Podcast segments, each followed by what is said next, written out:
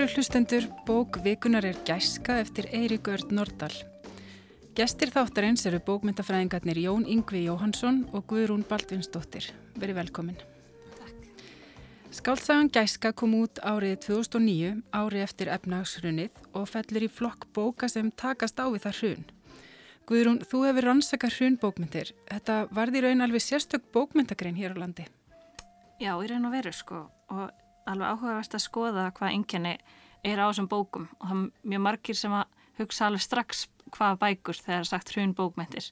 hvaða, hvaða bækur þetta eru og svona hvaða raunveruleika þær voru að lýsa á þessum tíma. Og þetta er alveg sérstök tegund, en Eirikur Örnir hann ekki með all fyrstu höfundana sem eru að takast á við hrunið. Jú, hann gefur náttúrulega þessa bók út 2009 og hann sagði að hann hefði skrifað bókina sem sagt byrjaði á henni fyrir hrun og ég veit ekki hvort að það sjáist þessum bókinni en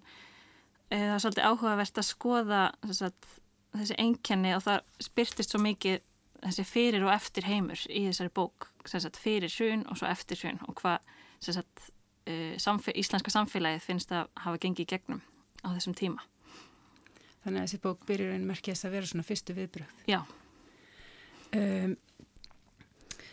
Gæska hún skiptist í tvo hluta. Uh, það eru atbyrður sem gerast fyrir og eftir byltingu en þóttum fjalli augljóslega um áðunemt hrun og um búsáhaldabyltingu þá er hún líka hálger staðleisa, ekki sagt, Jón Yngvi.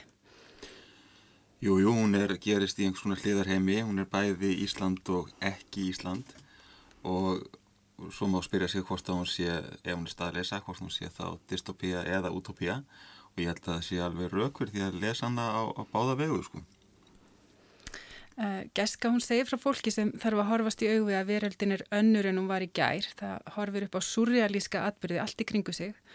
og það getur ekki lengur bröðist við samkvæmt gömlum vana Við skulum grípa niður snemma í bókinni þegar þingmaðurinn Haldur Garðar, eh, sem getur ekki lengur hugsað sér að mæti vinnuna, horfir á samstagsfólk sitt af þingpöllum.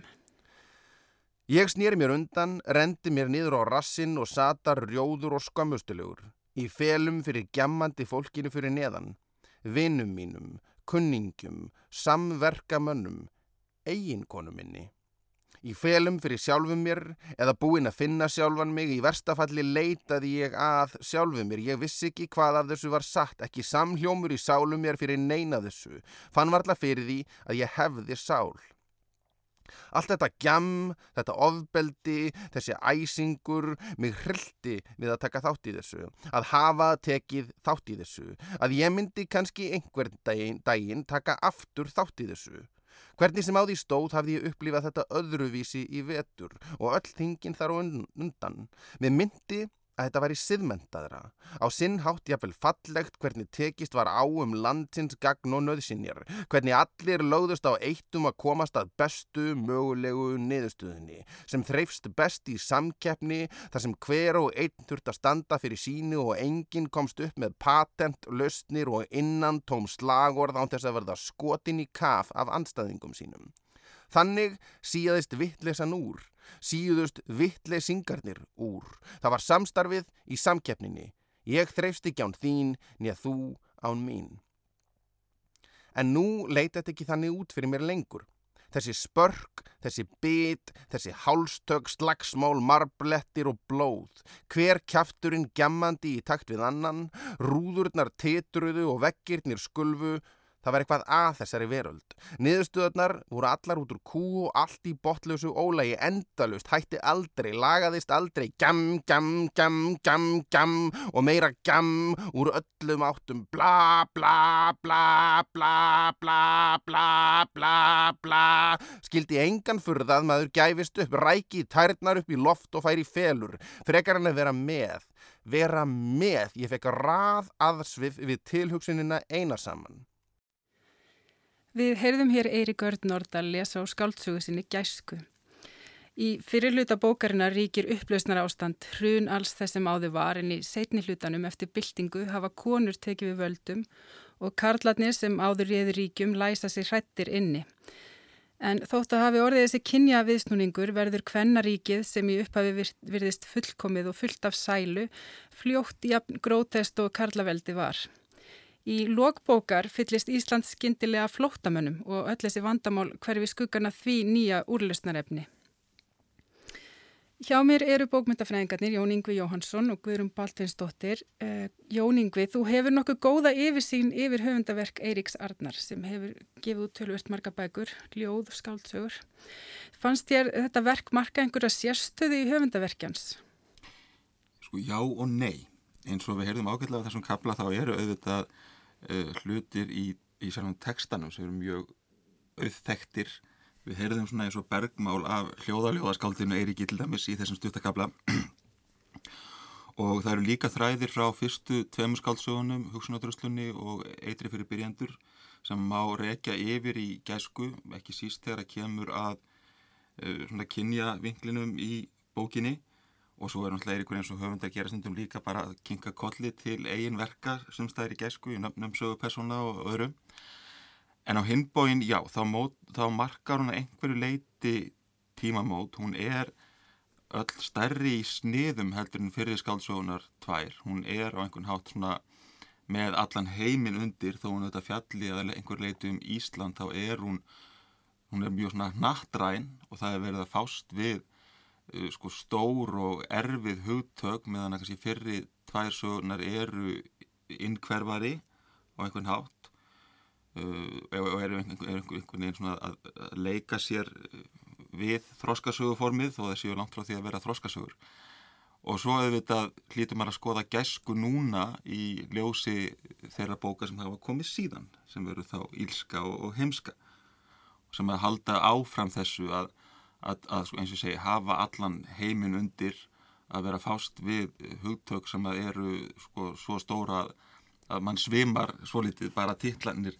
eh, sérstaklega ílska náttúrulega, gera það að, að verkum.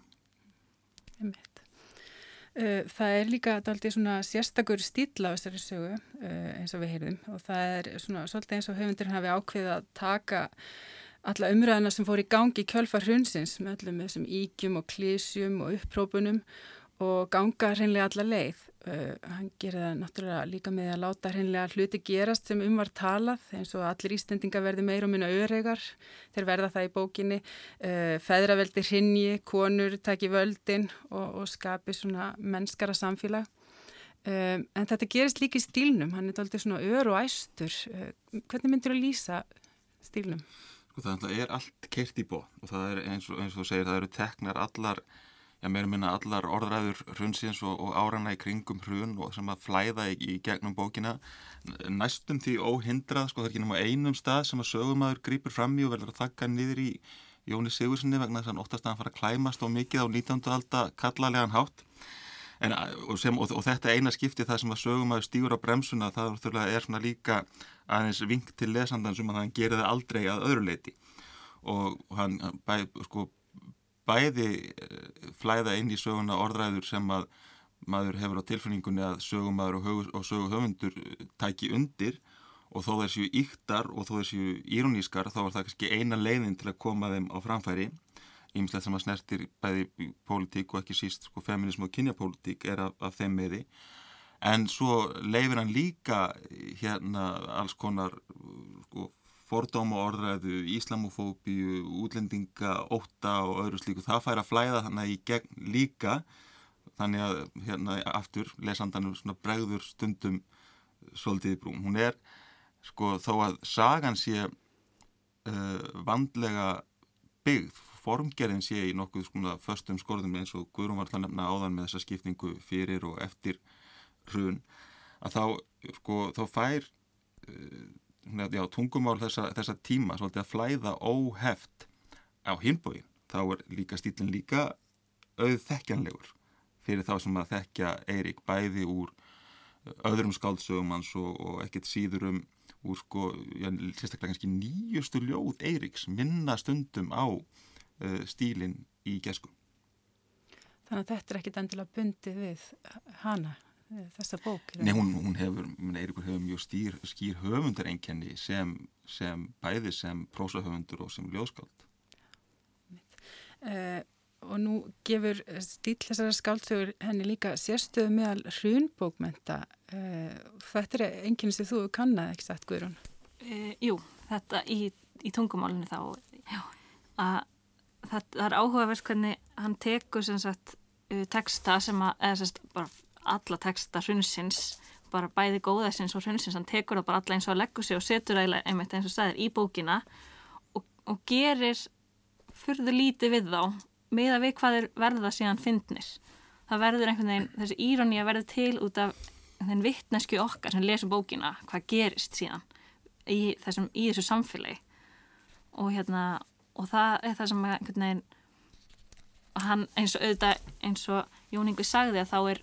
hann bæti við sínum stíl og sínir fyndni en okkur finnst svona það sem er fyndið við bókina er það sem við vitum hvað gerðist og við vitum auðvitað þessar alhæfingar. Þar verða einhvern veginn, þar eru svo ótrúlega lýsandi fyrir þannan heim fyrir þannan heim okkar hrun heimsins og stundum næði bara einmitt fyrir að kannski að sapna saman umælum í rauninni sem voru látið falla. Já, og ofta er þetta bara beinar bladaklippur sko. Og þessi aðferð er alltaf mjög kunnulega aðferð það hvernig til dæmis um, eh, er farið með þingsetninguna í bókinni og hérna þú nú bent á það áður hverjum að þetta er alltaf að það er notuð bara ummæli úr bladafrétt um þingsetningu og verða mjög írumísk þegar þau eru komin inn í samhengi sögunar en alltaf nákvæmlega sama aðferð og hald á lagsins beitti. Ræða rauðsmýrarhrúarinnar í brúðköpi Bjarts og Rósu er tekin beint upp úr uh, bladagrein sem að íslensk mjög íhaldsum þjóðurni sem þú konar skrifaði í fúlustu alvöru. Þannig að þetta er nákvæmlega sama aðferðin við að veita samtímanum inn í söguna. Að það þarf ekki að, að, að breyta mjög miklu til þess að það sem að er á einum tíma og einum aðstæðum sagt í, í, í fylstu einlægni verði sko alveg grótesk írunni eins og í þessu tilfelli. Einmitt, og þú hefur náttúrulega fjallað svolítið um þetta Guðrún og, og hérna og þessi svona það sem að kalla kannski traumatísk stílengin í hrund bókmyndum þetta er ekki bara þá hérna enginni á þessari bók Nei og þetta byrstist í mörgum af þessum hrund bókum uh, sem sagt þetta hvernig tungumálið verður skindilega ekki nóg til þess að nota til að fólk sagt, að þetta eh, byggist svo mikið á sagt, einni sjálfsmynd þjóðar sem, sem verður fyrir svo sterkum áhrifum af þessu. Og það sést og hann náttúrulega notar þessa aðferð með því að sína uh, með því að skipta bókin í tvo hluta og það breytist allt á þessum tíma og þetta verður uh, líka tengist líka rosalega uh, mikið svona hvernig við byggjum minningar okkar af þessum, af þessum tíma. Og líka áhugavert með í bókinni hvað gerist margt til dæmis á austurvelli tengist mjög mikið, þess að það gerist, gerist náttúrulega öll á austurvelli og það er rosalega, rosalega oft uh, þegar við erum að tala um hruni þá gerist stæla alltaf, alltaf á Östuvellin við tengjum rosalega stert við Östuvell þótt að hefði í raunin alveg við gætum alveg tengt einhvern allt annan stað fyrir utan dæmis. Það er ekki jafn stert fyrir okkur í okkar sjálfsmynd hvernig við lítum á þessa atbyrði þannig að það er mjög áhugavert hvernig Eirikur er notað það í bókinni. En ef þú berða sama við svona aðrar hrunbókmyndi kannski sem að koma fram Uh, þarna í upphafi uh, hefur gæska einhverja sérstöðu eða sér einhver sameili enginni? Um, það eru náttúrulega, það er þetta hvernig einstaklingurinn bregst við, það er mjög sameilegt í öllum bókunum. Og oft einmitt hvernig karlmaður sér hvernig heiminum breytist skindilega eins og hjá Haldóri þessum, þingmanni, hvernig hann sér skindilega allt í öðru ljósi. Og það er mjög ríkjandi, til dæmi bara bankster er, er mest, sest, besta dæmi líklega, flestir hugsa um þá bók sem svun bók. Mm -hmm. en hérna það er mjög stert, en hún er líka öðruvísa því leita, hún er náttúrulega tekur allt, hún tekur hún tekur allt, alla atbyrðina og reynir að tróða henni á sem sagt bara fæsta blasir rauninni, reynir að taka allt og gerir úr því að það sé verið að, að taka öll vandamál og reyna bara að laga þau með svona einföldum svona einföldum ráðum í rauninni sem er ekkit endilega, sem sést ekkit endilega í, í öðrum bókum. Þannig að það er svona meira verið að hlaða Það verið að hlaða mjög mikið. Eins og þú sagðir Jóningu, það verið að taka mjög stór vandamáli rauninni inn í og... Já, það, er eitt af því sem að hefur þetta gerst á síðustu áratugum sko að að, að einhver leiti þá hafa höfundar fara að snúa, snúa sér aftur að því að fjalla um Uh, stór hugtök og stór vandamál sem að voru kannski segjum fyrir ja, 15-20 árum þegar að svona postmodernismin og, og poststruktúralismin voru efst á baui þá hefði manni, sko, þá hefði manni brúðið mjög mikið brún við að lesa hérna bækur eins og þegar Eirikur er að skrifa eða eins og Jón Kalman svo ég tengi, tengi nú aðeins og venda banda, bandamenn saman ja, sem er að skrifa líka bækur um sko stóru hugtökin um ástina, dauðan og lífið og þetta svona orð sem var varla hægt að hérna taka sér í munn nema í gæsalöpum uh, á tíundaðaratugum þannig að það sé það, það er ekki bara sko, það er ekki bara hrunið sem gerir það líka það er líka einhvað sem hefur verið að gerast í bara sko, samtíma bókmyndum undan farin áratjóð Svo förum aftur að þessu persónlega sem þú nefndir Guðrún, þá hérna náttúrulega eru, eru við að fylgjast þarna með í rauninni fjórum sögupersonum í gesku og hérna við erum með hennan hægri sinna Þingmann Haldur Garðar sem er með þetta sjónhóruð sem myndist á Kallmannsinn sem horfir upp á. Að ekkert er eins og hann missir eiginlega algjörlega fótana, hann finnst hann ekki það að hann er forsendur til að mæta í vinnina lengur. Og hann endar svona á hálfgerðum flóta undan ástandinu svo er hann með þessa vinstri sinniði eiginkonu sem er þinkonan Milli en hún tvíeplist eiginlega, hún hérna e, í setni hluta bókarinnar eftir byltingurinn orðin fórsættisra á þeirra og, og hún er með þarna aðstofakonu sem er Freyleif Uh, hún hefur sögt sér í, í eitthvað nöytna og neyslufyllir í þarna upphafi og hérna upplifir síðan timburmenn í, í samræð með það, þannig að við komum með þessa orðræðu sem var þarna í gangi náttúrulega á þessum tíma og erum með þessa sífældu kröfur og eiginmannsinn, skurkgröfu stjóran sem að hérna gengur, hann verður halv vannmáttur og gengur bara inn í þetta hlutverk að, þjóna svona duttlunguminnar uh, eh, Jón Ingvi, konurnar í þessari bóku eru talsveit sterkari enn kallarnir, þeir eru nú hálfgerða dölur Já, já, og, og svona, þetta er náttúrulega eitt af því sem er keirt sko algjörlega í, í botni eins og, eins og annað þessari sögu. Og það er kannski þarna sem er sterkust tengsl sko, við önnur verk Eiríks því að uh, sérstaklega Haldur er hann á bísna margt sammeilend með nafna sínum í, í eitri fyrir byrjandur um, innilókunina uh, þetta, þetta framtagsleysi og náttúrulega í gerðvallri menningarsögunni þá hefur, hefur kallmannlega verið tengt við sko framtak og það að gera og vera virkur þetta er allt þetta sem að, sem að hérna, Halldóri raun og veru missir og missir það raun og sko fyrir byltingu. Það er eins og hann, eins og hann sko bara verði fyrir því einn góðan veðudag að hann hefur séð í gegnum sjálfan sig uh, og, og sér fánýti alls þess sem hann, sem hann hefur gert og raun og veru kemur að ljósa að hann hefur ekki verið sko þessi virki kallmannlegi maður sem hefur sko brotist til þeirra metorða sem hann hefur hlotið heldur hefur þetta einhvern veginn allt saman bara komið fyrir hann. Og, og hann er í raun og veru bara kannski það sem hann sér er að hann er uh, sko afurð af, af, af valdakerfi en ekki sá hérna virki og, og hérna öflugi einstaklingu sem hann hefur talið sér trúum sjálfur að sé sko drifkraftur alls samfélagsins. Hann en raun og bara fattar að, það, hann, að hann er bara einhvað tannhjóli í, í færaveldinu sem hefur og hann hefur komist þánga sem hann er þess vegna. Og það er náttúrulega ákveðið áfall sem, hann, sem að hann sko í raun og veru nær sér aldrei af í sögunni. En svo er það náttúrulega með personar í, í hérna, karla og konur í, gesku að það er það er hún á mörgunum að vera svona alveg fullburða personur í hefbundinu raunsæðiskaldsögu það eru hafa náttúrulega mjög mikla svona, tákgræna vikt og það eru, svo, það eru íkta svolítið eins og, og teknímyndapersonur og einn þeirra er beinleginnist teknímyndapersonum því að hérna, eh, framkvæmdastúri alltjóða Gjaldri Sjóðsins sem kemur hann við sögu í mjög skemmtilegri senum með fósættisraðarunum Milli í stjórnaræðinu og er franskur hann, sem sagt, þetta bendi mér erlendur stúdent sem ég var að kenna á hann heitir sem sagt sama nafni og skripafíkuran Herra Seðlan í Viggóbókunum sem er svona stór og feitur kapitalisti. Og, og það er auðvitað líka svona svolítið, svolítið vísbending um það hvernig sko, personar í þessari bók eru að það er þær eru svolítið hérna og þá verðum gaman að halda áfram þetta við hjá núna með Viggo sko að Milli er náttúrulega rauð það er svo jóka og svo kannski er Haldur halgjörði Viggo. En hérna nóðu það. Skil þið skiljið hvað ég við. Það er, það er svona einhver teknimyndabræður á personunum auðvitað því þær eru sko einhvers konar leikmunir í mjög stórri sögu frekar heldur en að sé verið að búa til svona hefðbunnar raunsæðis personur eins og við, eins og við stundum gerum sjálfkrafa kröfu á í skáldsögum Já, og teknar mjög sterkum litum. Mjög svo.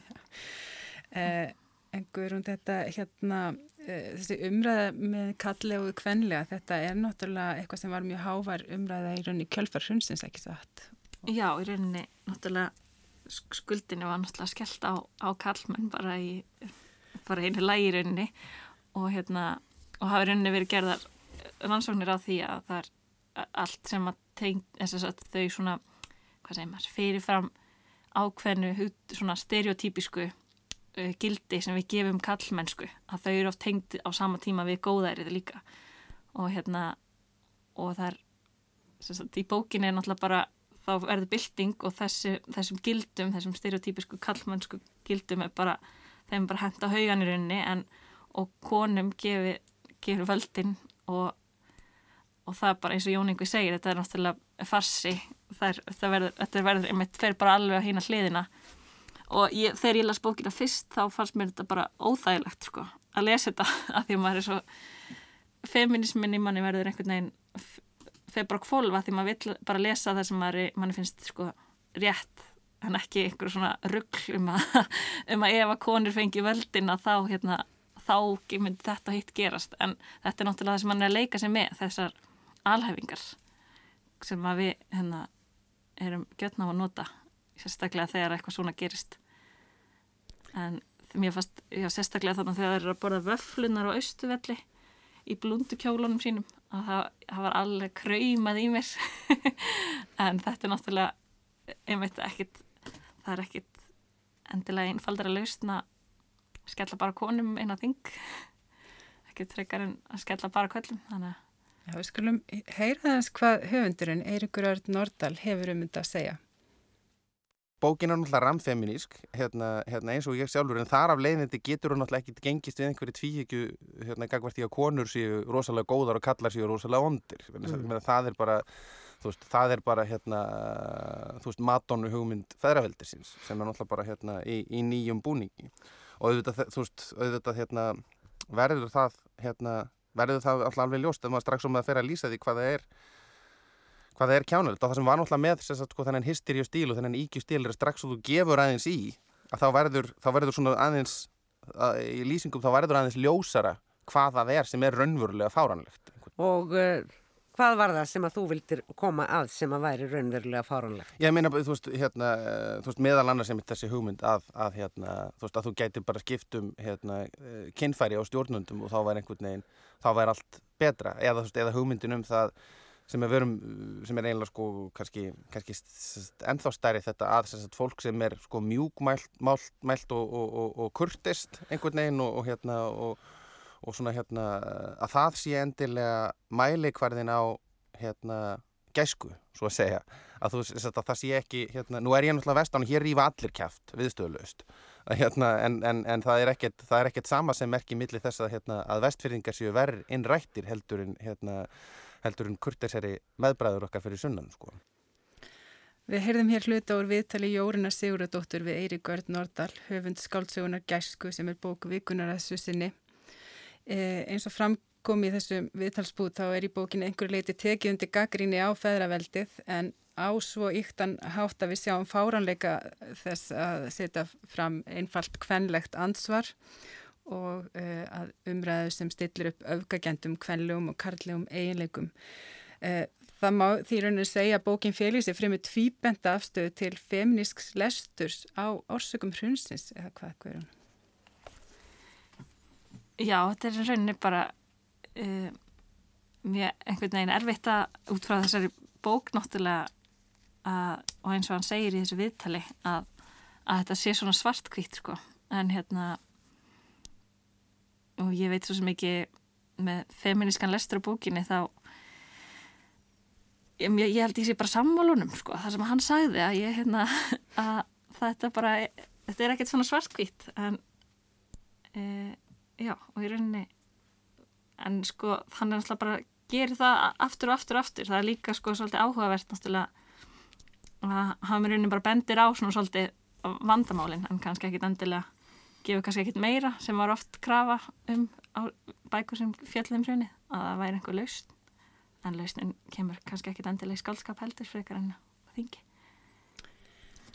Nei, mér finnst kannski að sko einhver leik þá tekur bókin sko alveg undir svona feminska greiningu á orsökum hrunsins og ekki bara feminska heldur líka gaggrinni á þjóðinnisíkju þetta er náttúrulega líka skáltsagan sem fjallar mjög mikið um sko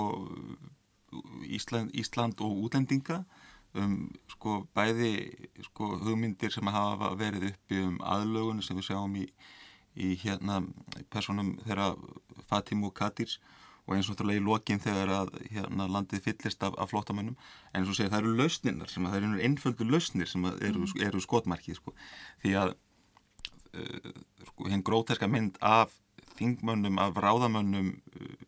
fyrir hrun, fyrir byltingu og fyrir, það, er ekki, það er ekki hrun, það er bylting mm -hmm. og bylting sem við reyndar sjáum ekki sem er svona einhvern eins og svartóli í sögunni miðri sko, henni er aldrei líst en þessi lýsing á valdamönnum sem er mjög grótesk og, og, og getur frólægt að bera saman sko vöflótið sem þú nefndir eða pönnukokku, ég mæ ekki hvort var annars verður og svo hérna gargantúi sko átvísveislu sem að ráðhrænir standa í, í, í fyrirlutan að hérna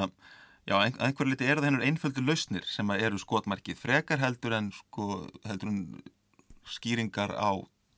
því að það, það varður mér finnst bókin að einhver liti taka algjörlega undir svona já, ekkit einfaldar en, en taka undir svona feministka þræði í þeirri í greiningu á, á hérna orsökunum þó að hennar einföldu lausnir séu mm. ekki til og þó okay. Þú talaður um það þannig að kallmenninir þeir kannski næðu sér í aldrei og stryk bara í bókinni í rauninni, en í undir lokin þá hérna þá fara þeir nút úr uh, lestu herbyrgjunum sínum fara og, og hérna uh, hann hérna Haldur fer til miljar og, og, hérna, og þau standa saman í rauninni frammi fyrir nýju vandamáli, þessi eh, innflytjenda vandamáli. Þannig að, að hérna, finnst þér ekki þar vera neinn svona eh, kannski skref fram á við? Jújú, að einhver leiti og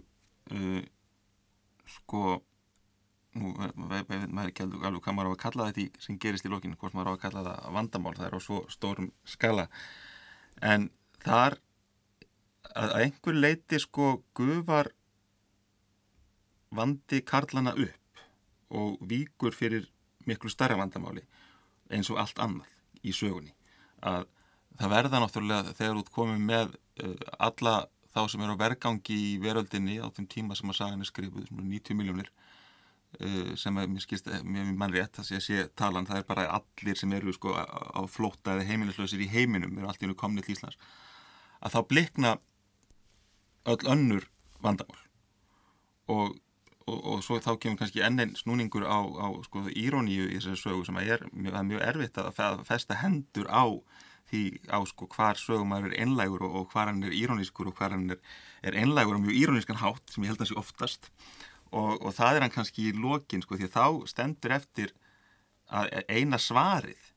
við þessum aðstæðum er geska og það hljómar ofsalega barnalega. Það hljómar óslulega einfalt. Það kallast og nú þegar ég, fá, ég er búin að koma haldur í lagsnesa þá er ég að fá að koma Gunnir Gunnarsnæði líka að það kallast sko Eirikur á við sælurur einfaldir eftir Gunnar Gunnarsson sem er, end, sem er líka saga sem gerist undir brennandi fjalli. Það sé það er reyndar eða köllugósi þess að sögu þá logar esjan með að minna alla söguna og loka orð sælurur einfaldir þegar heimur sögumans er, reyndar sko bara í, á personulegum nótum vinirnas eru allir lendir í miklum, miklum ógöngum, heimur hans er hrunin og það eina sem hann getur sagt er verið góðir hver við annan. Og þetta er raun og verið niðurstanna gesku líka á einhvern, eins og við sagðum á hann, sko, hérna, íróníst einlægan hátt vegna þess að það er ekkert annars svar. Særir er einfaldir en alltaf afskaplega vonlaus bók, ekki satt. Jú, en eina vonaglætan fælst í þessum loka orðum sögumannsins, sko og það er, það, það er geskan sko, sem er það eina sem getur gefið honum einhverja von. Og það er, er, er niðurstaðan sem að Milli kemst að líka í, í, í lokin sko, hún hefur bara um tvent að velja. Annarkort þá bara, bara fyrir kemur hún þessu fólki og gerist þeikum stórkostlegasta þjóðamorði í manginsögunni eða hún verður góð við það. Það er nú akkurat þessi umræða eh, hefur náttúrulega orðið alveg afskaplega áleitin undarfarnar vikur og mánuði þannig að þetta er svolítið hérna, merkilegt hvernig þessi eh, flötur á bókinni er, hérna, hefur orðið svolítið svona eh, ágengur svona undarfarið, ekki satt. Kemur núna sterkur inn eh, með, með allar þessu umræðum um flótamenn en, en mér finnst sko þessi endurinn á bókinni út frá, út frá þessu fjölda fólk sem kemur að manni líður ekkit sérst, að manni líður ekkit betur sko, en mér fannst það ekki sko, það var, mér leiðilega bara verð að þetta væri endurinn á bókinni út frá að gæska væri endapunkturinn. Að því ég hugsaði einhvern veginn að vandamál hlýta að vera starra en, en svo einhvern veginn núna ef maður skoður umræðina þá, þá er þetta að vera góður eða ekki góður, það kemur samt aftur og aftur að, að endanum þá sé það kannski bara það sem þetta snýst um Þetta er náttúrulega einmitt það sem umræðan snýst um núna það ekki að í gæsku þá gera sögupersonuna bókstala það sem fólk hefur verið að bjóðast til að gera á samfélagsmiðlum undanfæri. Það býður fólki, flóta fólki að búa hjá sér. Það gefur því mat það, hérna, og það getur ekkit látið eins og flóta fólk komið því ekki við. Þannig að það stendur akkurat bara í þessu sömu spórum. Já, já, og það er náttúrulega líka það ef maður, ef maður sko setur bókina aðeins í, svona sögulegt samíki, þá getur maður hugsað sko eins og við erum að segja, nú, núna er þessu umræða mjög ofalega bögi og hérna það mætti halda að Eiríkur væri bara sjáandi, en auðvitað er það ekki þannig, auðvitað sko voru 90 miljón manns á flótta eða, eða hver talan var þegar að þessi bók er skrifð, þó það væri ekki ja, mikið í fréttum og það er núna. Veist, ástandið í dag er sínilegra en það í grundvallar atriðum þá var þetta ástand þannig líka 2009 þegar, þegar bókin er, er skrifið það er ekki eins og Eiríkur hafi séð það fyrir allt inn og færi fullt af fólki og myndi fullt af fólki missa heimilisist vegna stríðsástandi heiminum og fara á flótta. Þetta fólk var líka flótta 2009 þegar bókin er skrifið Já, það sem hefur kannski gæstir að við svona upplifið þetta nær okkur undanfarið og hefur fæstaðis uh, hingað umræðan Já, já, og það er náttúrulega líka eitt af því sem að sko, sem að gæska fjallar um er hérna, að, að einhver leiti er náttúrulega sko tengsl eða tengslaleysi Íslands við um henni uh,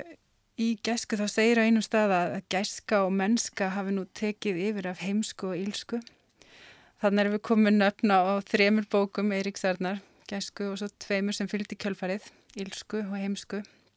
Uh, Jón Ingvi, þú hefur lesið uh, nýjastu bók Eiríks Arnar heimsku og þú erst kannski með svona bestu yfirsýnin á okkur þremurum uh, mögulega tenginga með þessar bóka. Heldur að hann hafi eitthvað markvist unni með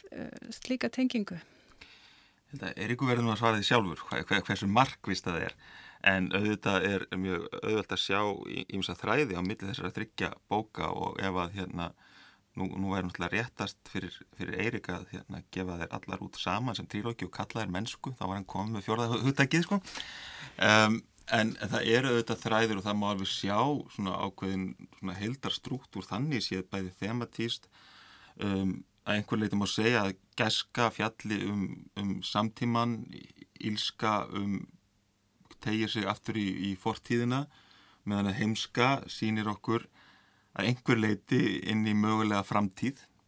Og þannig að það, það er enn en önnur tengingin sko. Uh, og það er eiga þetta líka allar sameigilegt og, og ég er kannski svolítið upptekinn af þessu að ég hef gert mikið af því að kenna erlendum stúdendum íslenska bókmyndir og meðal að lesi gæsku með þeim sko. Að það, er, að það sem þessar sögur eiga líka allar sameigilegt það er fjalla á einhvern hátt um íslenskan veruleika og íslenska sögu og samtíma sem hluta af sko sögu Evrópu og, og heimsins. Það er, það, er, það er hérna, þó að Eirikur búi á Ísafjörði þá er mjög langt fyrir því að það sé einhvað prófinsjált við þessar sögur. Sko. Það eru allar á einhvern nátt alþjóðlegri heldur en mjög margar íslenskar skáldsögur. Já, hann heldur náttúrulega áfram hérna í Ílsku að, hérna, að sækja uh, út fyrir landsteinna og hann gerir það þá áfram í heimsku. Já, já á þess að ég ætla að ljóstra á miklu upp um það. Þá, jú, þá, þá, þá, þá gerir hann það líka í, í, í heimskum Þannig að hann heldur í rauninni áfram með já, ákveðin, það er alveg skýri, skýri, skýri þræðar á millir þess að sagna þess að þryggja bóka, já.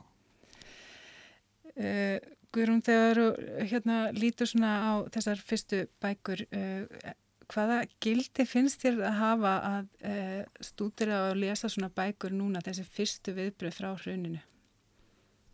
Ég held að sé bara mjög mikilvægt að, að skoða þetta sem var að koma út eftir hrun. Og sérstaklega með við viðbröðin sem þessar bækur fengu oft á þeim tíma.